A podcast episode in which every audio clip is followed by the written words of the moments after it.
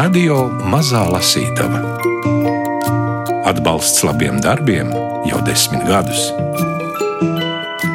Borisa un Ināras Tetereva fonds. Esmu par to dzirdējis. Es arī pazīstu cilvēkus, kuri ir zinām posmu veikuši. Un uh, arī pats esmu ieturējis brokastis nokāpis no velosipēda tur Bavārijā, kur arī ir cauri Santiago ceļš, kur svētceļnieki iet cauri vienam senam klosterim. Viņi tajā klosterī pa vienu žoga spraugu mūrī ienāk un pa maziem vārtiņiem iziet, jo tas ceļš ved tieši cauri klosterim, kas ir pie Izāras upes, kāds 30 km no Minhenes augšpuses straumē. Turpinājām ceļu, taču Aleksis lūkojās uz okeānu tik skumīgi, ka sametās viņu žēl.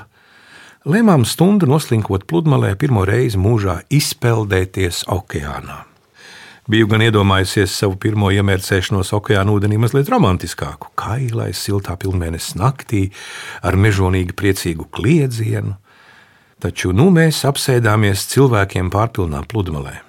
Aleksis uzvilka peldbikses, bet es kādu brīdi paliku sēžam. Okeāns man nebija nekāds svētītais ūdens tāls, un neaizsniedzams neticīgajiem. Domāju par rituālu nozīmi cilvēku dzīvē. Vai sadzīves kārtību varētu saukt par rituālu? Dušā iešana pirms gulēšanas, kurpi novilkšana pie sliekšņa, sveces aizdegšana, kad kāds nomiris. Runā, ka rituāliem esot simboliska nozīme, bet simbolisms runā pretī realismam, un realismam ir vismaz kopēja sakne ar realitāti. Tātad rituāls sagrauj ierasto ikdienu. Varbūt jau pietiek ar būšanu šajā garajā ceļā, kam nav nekādas saiknes ar ikdienas realitāti. Varbūt vilkt nost drēbes un bez pienācīgas cieņas mesties zem viļņu galotnēm, tad noskurināties, apģērbties un doties tālāk. Nekādu maigu pieskārienu, trīs un apņemšanos nekad neaizmirst, vienkārši nopeldēties. Nenoģērbos un neieskrēju ūdenī. Aleksis, kā bērns, ko vecāki nekad nebija ņēmuši līdzi uz jūras, skrēja iekšā un atkal ārā, kliedza, ārdījās, lēkāja. It kā ūdens būtu viņā iepludinājis dzīvību ar paisumu, bet ar bēgumu neatņēmis. Turpmāko ceļu Aleksis runāja bez mitas. Par piedzīvojumiem, kas mūs gaidot, par indīgām čūskām, no kurām nebaidoties, par somu, kas nemaz vairs nesot tik smaga. Nopriecājos, ka okeāna krasts ceļā būs aizsniedzams teju katru dienu it kā tas patiesi būtu bijis svētītais ūdens, un no mākoņiem uz mums glūnēja pirmais lielais piedzīvojums. Šodien raidījumā Radio Mazā Lasītava tiekamies ar rakstnieci Kristīnu Ulbergu un lasām fragmentus no jaunākā romāna Karietus Santiago. Un pirms sākt lasīt fragmentus, Gunārs Sāboliņš, piemēram, atcerējās paziņas, kas ir veikuši šo Santiago kādu no posmiem. Un savukārt es izlasīju grāmatu un paskatījos, geogrāfiski, kā šis ceļš eh, vispār virzās, kā iet cauri valstīm. Tad, eh, Kristīna, man pirmais jautājums, kādēļ jūs tajā 2015. gadā nolēmāt veikt šo Santiago ceļu 900 km posmu? Laikam tāpēc, ka īsti normāli es neesmu, arī tāpēc, ka es esmu rakstniece. Un um, vienkārši gribējās pārbaudīt, vai es to varu. Tas kaut kas līdzīgs kā rakstīt grāmatu, jo tev ir sākums un ir gals. Un tad tu atkal atgriezies, un atkal sākums un gals. Un uh, ar šo ceļojumu bija tieši tāpat. Īsnībā spēka pārbaudījums gluži tāpat kā rakstīt. Jo rakstīt arī nav nekāda izklaide. Un ar iedvesmu arī tur nav nekāda sakara. Pirmos simts kilometrus nogājām un likās, ka jāmet mieras. Ir. Liela pilsēta bija tāda Bilbao, un tur bija lidosta. Un pazibēja doma lidot prom apakaļ jo viss sāpēja. Un tad, kad paskatījās kartē, kas bija tāda gara desa, tā kā nezinu, cik metra apmēram gara, es biju atzīmējis punktus, kur mēs apstāsimies. Un ap, aptuveno distanci, un dienā sanāca 40 km vidēji pa kalniem. Un tad apskrējās dušu vienkārši, bet nogājām. Pirmkārt, jau bija grūti, jo bija ceļa biedrs. Katram cilvēkam ir savs ritms, un katrs grib ēst tādā atsevišķā laikā. Katram soļu garums ir cits, un nu, vispār ritms ir cits, temperaments mums bija dažādi, un nebija vienkārši ne. Tā tad mums jāpasaka, ka jūsu ceļa biedrs bija Aleksis, un tas ir reāls uh, puisis. Reāls puisis ar, ar reāli tādu arī vārdu - Aleksandrs. Paņēmu es viņu līdzi, jo Patiesībā es mēdzu teikt, ka ņēmu viņu līdzi dēļ tā, ka gribēju, lai viņš vairs nelieto narkotikas, bet īstenībā jau tā godīgi atzīstoties, negribējās iet vienai. Tagad es darītu gluži pretēji, iet viena. Vai arī ar kādu cilvēku, kur es gribētu iepazīt. Jo tas ir, tas ir vēl smalkāk nekā nodzīvot 40 gadus laulībā. Es varu pat ieteikt, ja puisis un meitene iepazīstas un grib apprecēties, nu noiet šo ceļu, un tad jau redzēs, gribēsies precēties vai nē. Bet, uh, Kristīna, vai tad arī, kad jūs gājāt, jau jūs ar to domu, ka rakstīsiet par šo ceļojumu? Tad No- tā no- doma nē. bija vēlāk. Noteikti nē, par rakstīšanu vispār es tur aizmirsu. Tiesa gan burtnīciņa bija paņemta līdzi, tāda kā lai pierakstītu, kas ir noticis, lai neaizmirstu. Bet to nevar aizmirst. Tas nav jāpieraksta vienkārši. Un, um, rakstīt es izlēmu vispār tikai pieci gadi pēc šī ceļojuma. Un tā ideja bija nevis rakstīt, lai pavēstītu, kādu nu, mēs esam varoņi un paveikuši šo ceļu, bet gan kā pateicību ceļam. Pilsētā, kur baznīcu torņi draudzīgi pieklaudās lielveikalu stiklotajiem sāniem, centāmies uzmeklēt bruģī iestrādātās norādes svētceļniekiem. Zeltainu bultiņu vai gliemežu vāku. Mēs lēkšojām augšup pa nodrupušām kāpnēm, griezāmies, virpuļojām, maldījāmies cerībā tikt ārā no gardo ēdienu smaržām un cilvēku miera, kas mums labu brīdi bija svešs, bet tagad kaitinošs, īpaši, kad nolaidās tumsa. Smaržas sablīvējās, bet ļaudis atslāba. Mēs gājām. Aleksis visu ceļu klusēja un turējās mazliet nostāk. Aiz muguras, nevis priekšā. Viņš bija bērns, kas labprāt būtu turējies man pie rokas un vājuma brīžos iedevis panest vai pavilkt savu somu. Kad beidzās pilsētas biežņa, bultiņas mūs dzina augšā pa serpentīnu kalnā, kur trūcīgi ļaudis bija raduši sev māju vietu. Abās ceļa pusēs slēdzās noplukušas koku būdas, it kā šo graustu saimnieki nereiz nebūtu noķēruši zelta zīltiņu, vai arī noķēruši un rīkojušies kā visparastākie cilvēki. Būdu fasādes bija nokarinātas ar dažādu izmēru putnu būriem, to iemītnieki bija pieplakuši sprostu redelēm, izplatuši spārnus, pieglauduši vaigus. Nu, domāju, cik labprāt es ar šiem putniem apmainītos vietām. Lai! lai lidotos 800 km. Galā, lai pārkrāso Santiago katedrāli baltu ar bieziem putnu mēsliem, bet mēs tikmēr pieplaktu būru sienām izslēgušies uz trūcīgajiem pakaišiem. Putnu būri uz vecajām būdām vairojās līdz mūsu soļiem augšup. Mēnesis gaismā, kas nemanot bija nolijusi pār mums, graustu vairs nebija. Uz mums glūnēja tikai putnu būri. Lieliem papagailiem, maziem kanāriju putniņiem, ūbelēm, nokrāsotiem zvirbuļiem, svīrēm un bezdelīgām. Un pāris tukšu. Mums? Vai tu gribētu pagulēt putnu būrī? jautāja Aleksim. Jā, acu mirklī atbildēja Aleksis. Izdomādami sava likteņa brīžus, nepamanījām, ka klusā rindā mums seko bērnu bars. Apslēpēti ķiķinot viņas zagās, mazliet pieklibodami salīkuši zem iedomātām somām, Katru reizi, kad apstājāmies un palūkojāmies atpakaļ, bērni sastinga un centās apslāpēt smieklus. Mazās spāņu meitenes bija sasodītas skaistas, gariem, slaidiem, sparīgiem locekļiem, zīžainiem, melniem matiem, draisku skatienu. Bērnu smiekli un runas, kuras it nemaz nesapratām, stūmu mūs augšup. Libertijam bija taisnība, Es biju pieaugusi, mati nosūbējuši, locekļi noguruši, bet draiskuma atlicis tikai īpašiem dzīves brīžiem. Bērnu bars ar savu trokšņošanu bija pamodinājis putnus būros, un nu troksnis līdzīgs ienācēju spēlētām maršam dzina mūsu augšu par vēl lielāku spāru. No trokšņa un noguruma vai kā cita es piepiešu attapos savā bērnības pagalmā. Spirktiem locekļiem, spīdīgiem matiem, nemērā draiska, Es soļoju, vicinādama rokas soļu ritmā, aiz un pirms manis soļoja citi pagalma bērni.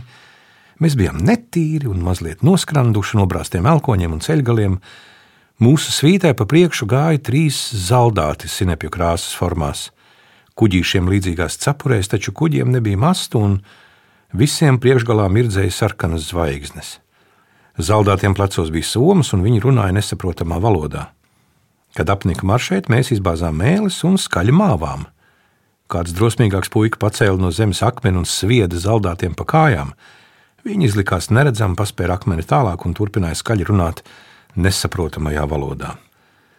Un kaut nosmolēta mute un draiskums prātā, es zināju, zaldāti nav vainīgi, ka viņi ir zaldāti. Pasaukti uz svešu zemi, nē, nepasaukti ar varu aizvilkti. Viņi dzīvoja un runāja kā mācēja. Brīvos brīžos klejoja apkārt smagajos zābakos, sasmirdušām kājām un nekādi nespēja iemīlēt mūsu sauli un brūģi ap tramvajas sliedēm. Mūsu vecāki teica, ka zaldāti ir slikti, tāpēc mēs viņus nicinājām, cik spēka un mākas. Nicināt nozīmē ķēmoties, apsaukāt, mest ar akmeņiem, iedunkāt un mesties bēgt. Mēs bijām mūsu vecāku bērni, bet viņi bija savu, tāli prom gaidošu, citu sauli mīlošu, Dažs drosminieks citreiz paķēra kārklastību un centās noraut zaldātiem no galvas kuģus bez burām. Kādreiz izdevās, un tad mēs visi metāmies pakaļ biedram, kurš aizskrēja varan tālu, lai klusumā izpētītu kroplo kuģi. Viņš ļāva mums to aptaustīt, bet sarkano zvaigzni paturēja sev. Tā bija spīdīga un glūda, Mēs domājam, ka tā krāsot ar īstām asinīm, ko zaldāti kaujas laukā atņēmuši savam ienaidniekam.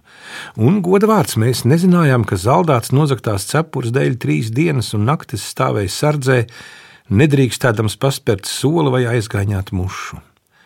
Mēs nezinājām, ka viņam jāsargā svešas durvis, kamēr mēs glaudījām viņa zvaigzni, bet cepuri jau sen bijām iemetuši atkritumos. Mēs nezinājām, ka arī viņš bija kādu vecāku bērns, un šie mums aiz muguras arī bija kādi vecāku bērni, kuriem apnikuši smirdīgie ceļinieki, kas dienu un nakti modināja viņu papagaļus un izskatījās tik noguruši, ka nogurums sāka pielipt viņu koka būdām un padarīt tās par graustiem. Pirms ceļojuma man eh, tika dot dažādi padomi, kurus es neņēmu vērā, protams. Un eh, arī toreiz nebija daudz naudas, līdz ar to nebija baigi ergonomiski apava, nebija arī soma normāli, bija tāda skolas soma, kas aptīta ar lakatiņu, lai, ne, lai neslīd nost. Tā nebija turistu soma. Nu, tas viss tā kopā, nu, protams, ka tagad es darītu citādāk, bet uh, viena lieta gan es nedarītu citādāk. Es ņemtu līdzi tik maz naudas, cik iespējams. Ko tas dod un ko tas maina? Maina ļoti daudz, ko cilvēks iziet no komforta zonas. Un tā, kad viņš ir izgājis no komforta zonas, tad tikai sākās kaut kāda kustība, gan, gan iekšēji, gan arī ārēji, pa īstam. Jo, jo ātrāk tu ej, jo ātrāk tu nonāc galā, tāpēc ka mazāk naudas iztērē. Arī tas, ka šis ceļojums netika veikts reliģiska apsvēruma dēļ, bet eh, tomēr, ja cilvēks iet svētceļojumā, tad varbūt darētu ievērot kādu askēzi. Jo mūsdienās svētceļojums nu, var jau arī, protams, ēst restorānos un gulēt mīkstās cisās, bet es to neuzskatītu par svētceļojumu. Svētceļojums tādā tradicionālā nozīmē mm, varbūt ir saistīts ar reliģiju, bet eh, var arī teikt, ka svētceļojums ir tas ceļš uz tā iekšējo baznīcu, kurai nav sakars nekāds ar reliģiju vispār. Paldies Dievam, ka nebija naudas. ja varbūt, ja būtu bijusi viņa, tad varbūt arī būtu citādāk. Nevienai darbībai nav jēgas, ja tas neveic cilvēkā kādas ārējas vai iekšējas vai abas reizē izmaiņas. Astotā nodaļa - likumi. Ko mīlu, to tiesāju. Pamodos agri un ne bezmiega dēļ. Sapņoju, ka guļu bezgalīga aruma malā. Saula sildīja pakausi, un es nedzirdēju savu elpu. Zināju, ka nedrīkst kustēties, jo tad tūkstošiem zosu paceltos gaisā, un es atkal dzirdētu sevi.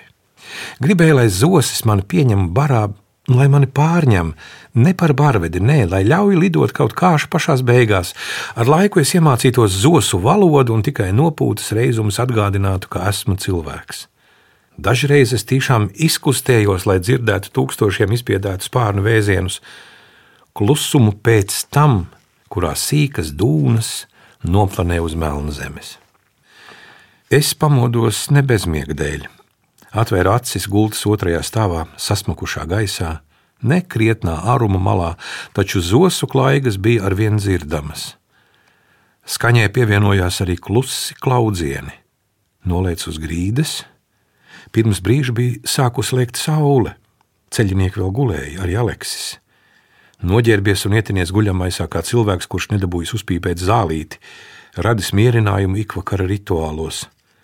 Zosu klaigas nevienu nepamodināja, tikai mani. Vienu brīdi izlikās, ka šī ēka ir milzu grauds, kuru apstājušas zosis un no ar kaujas saucieniem to knābā. Piegāja pie durvīm, pagrieza atslēgu un izgāja laukā.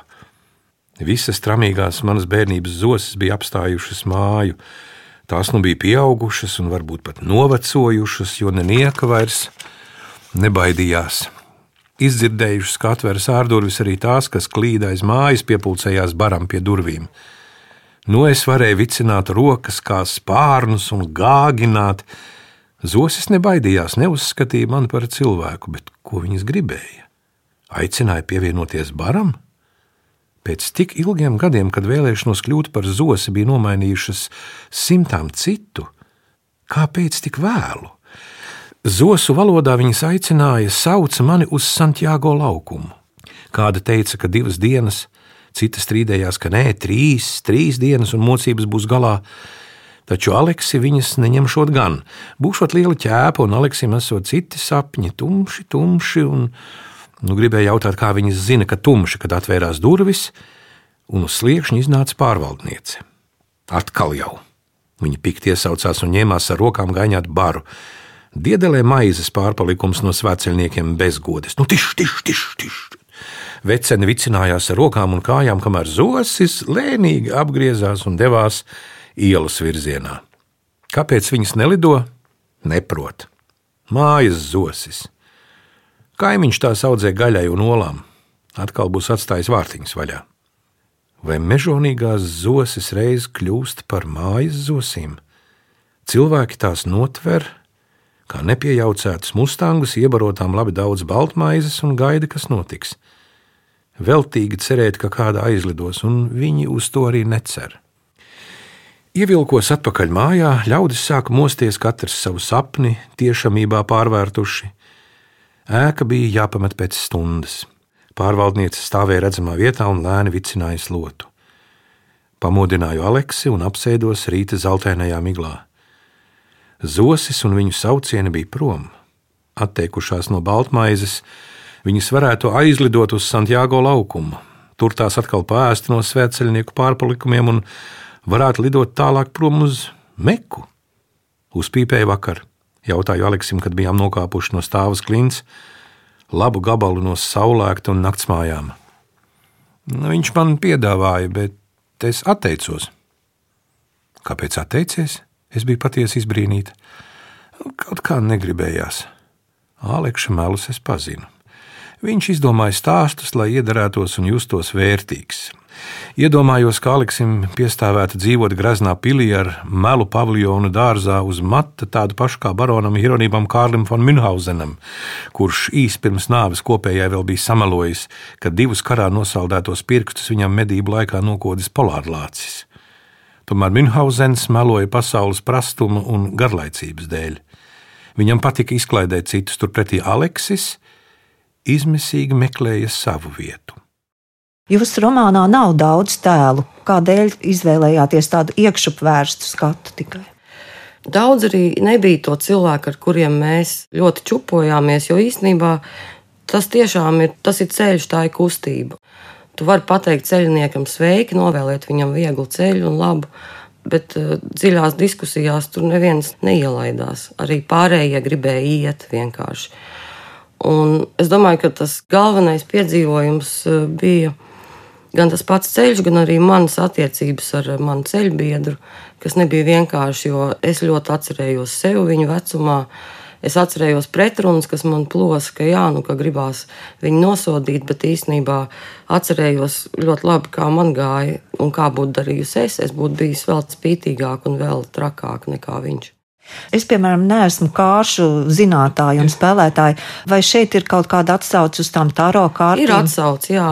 Ir atsauce uz 22 galvenajiem taro arkāniem, un tradicionāli taro nozīmē tādu kā muļķīšu ceļojumu cauri enerģētiskiem tādiem plāniem, kas viņu maina, un katram šim plānam ir dots nosaukums.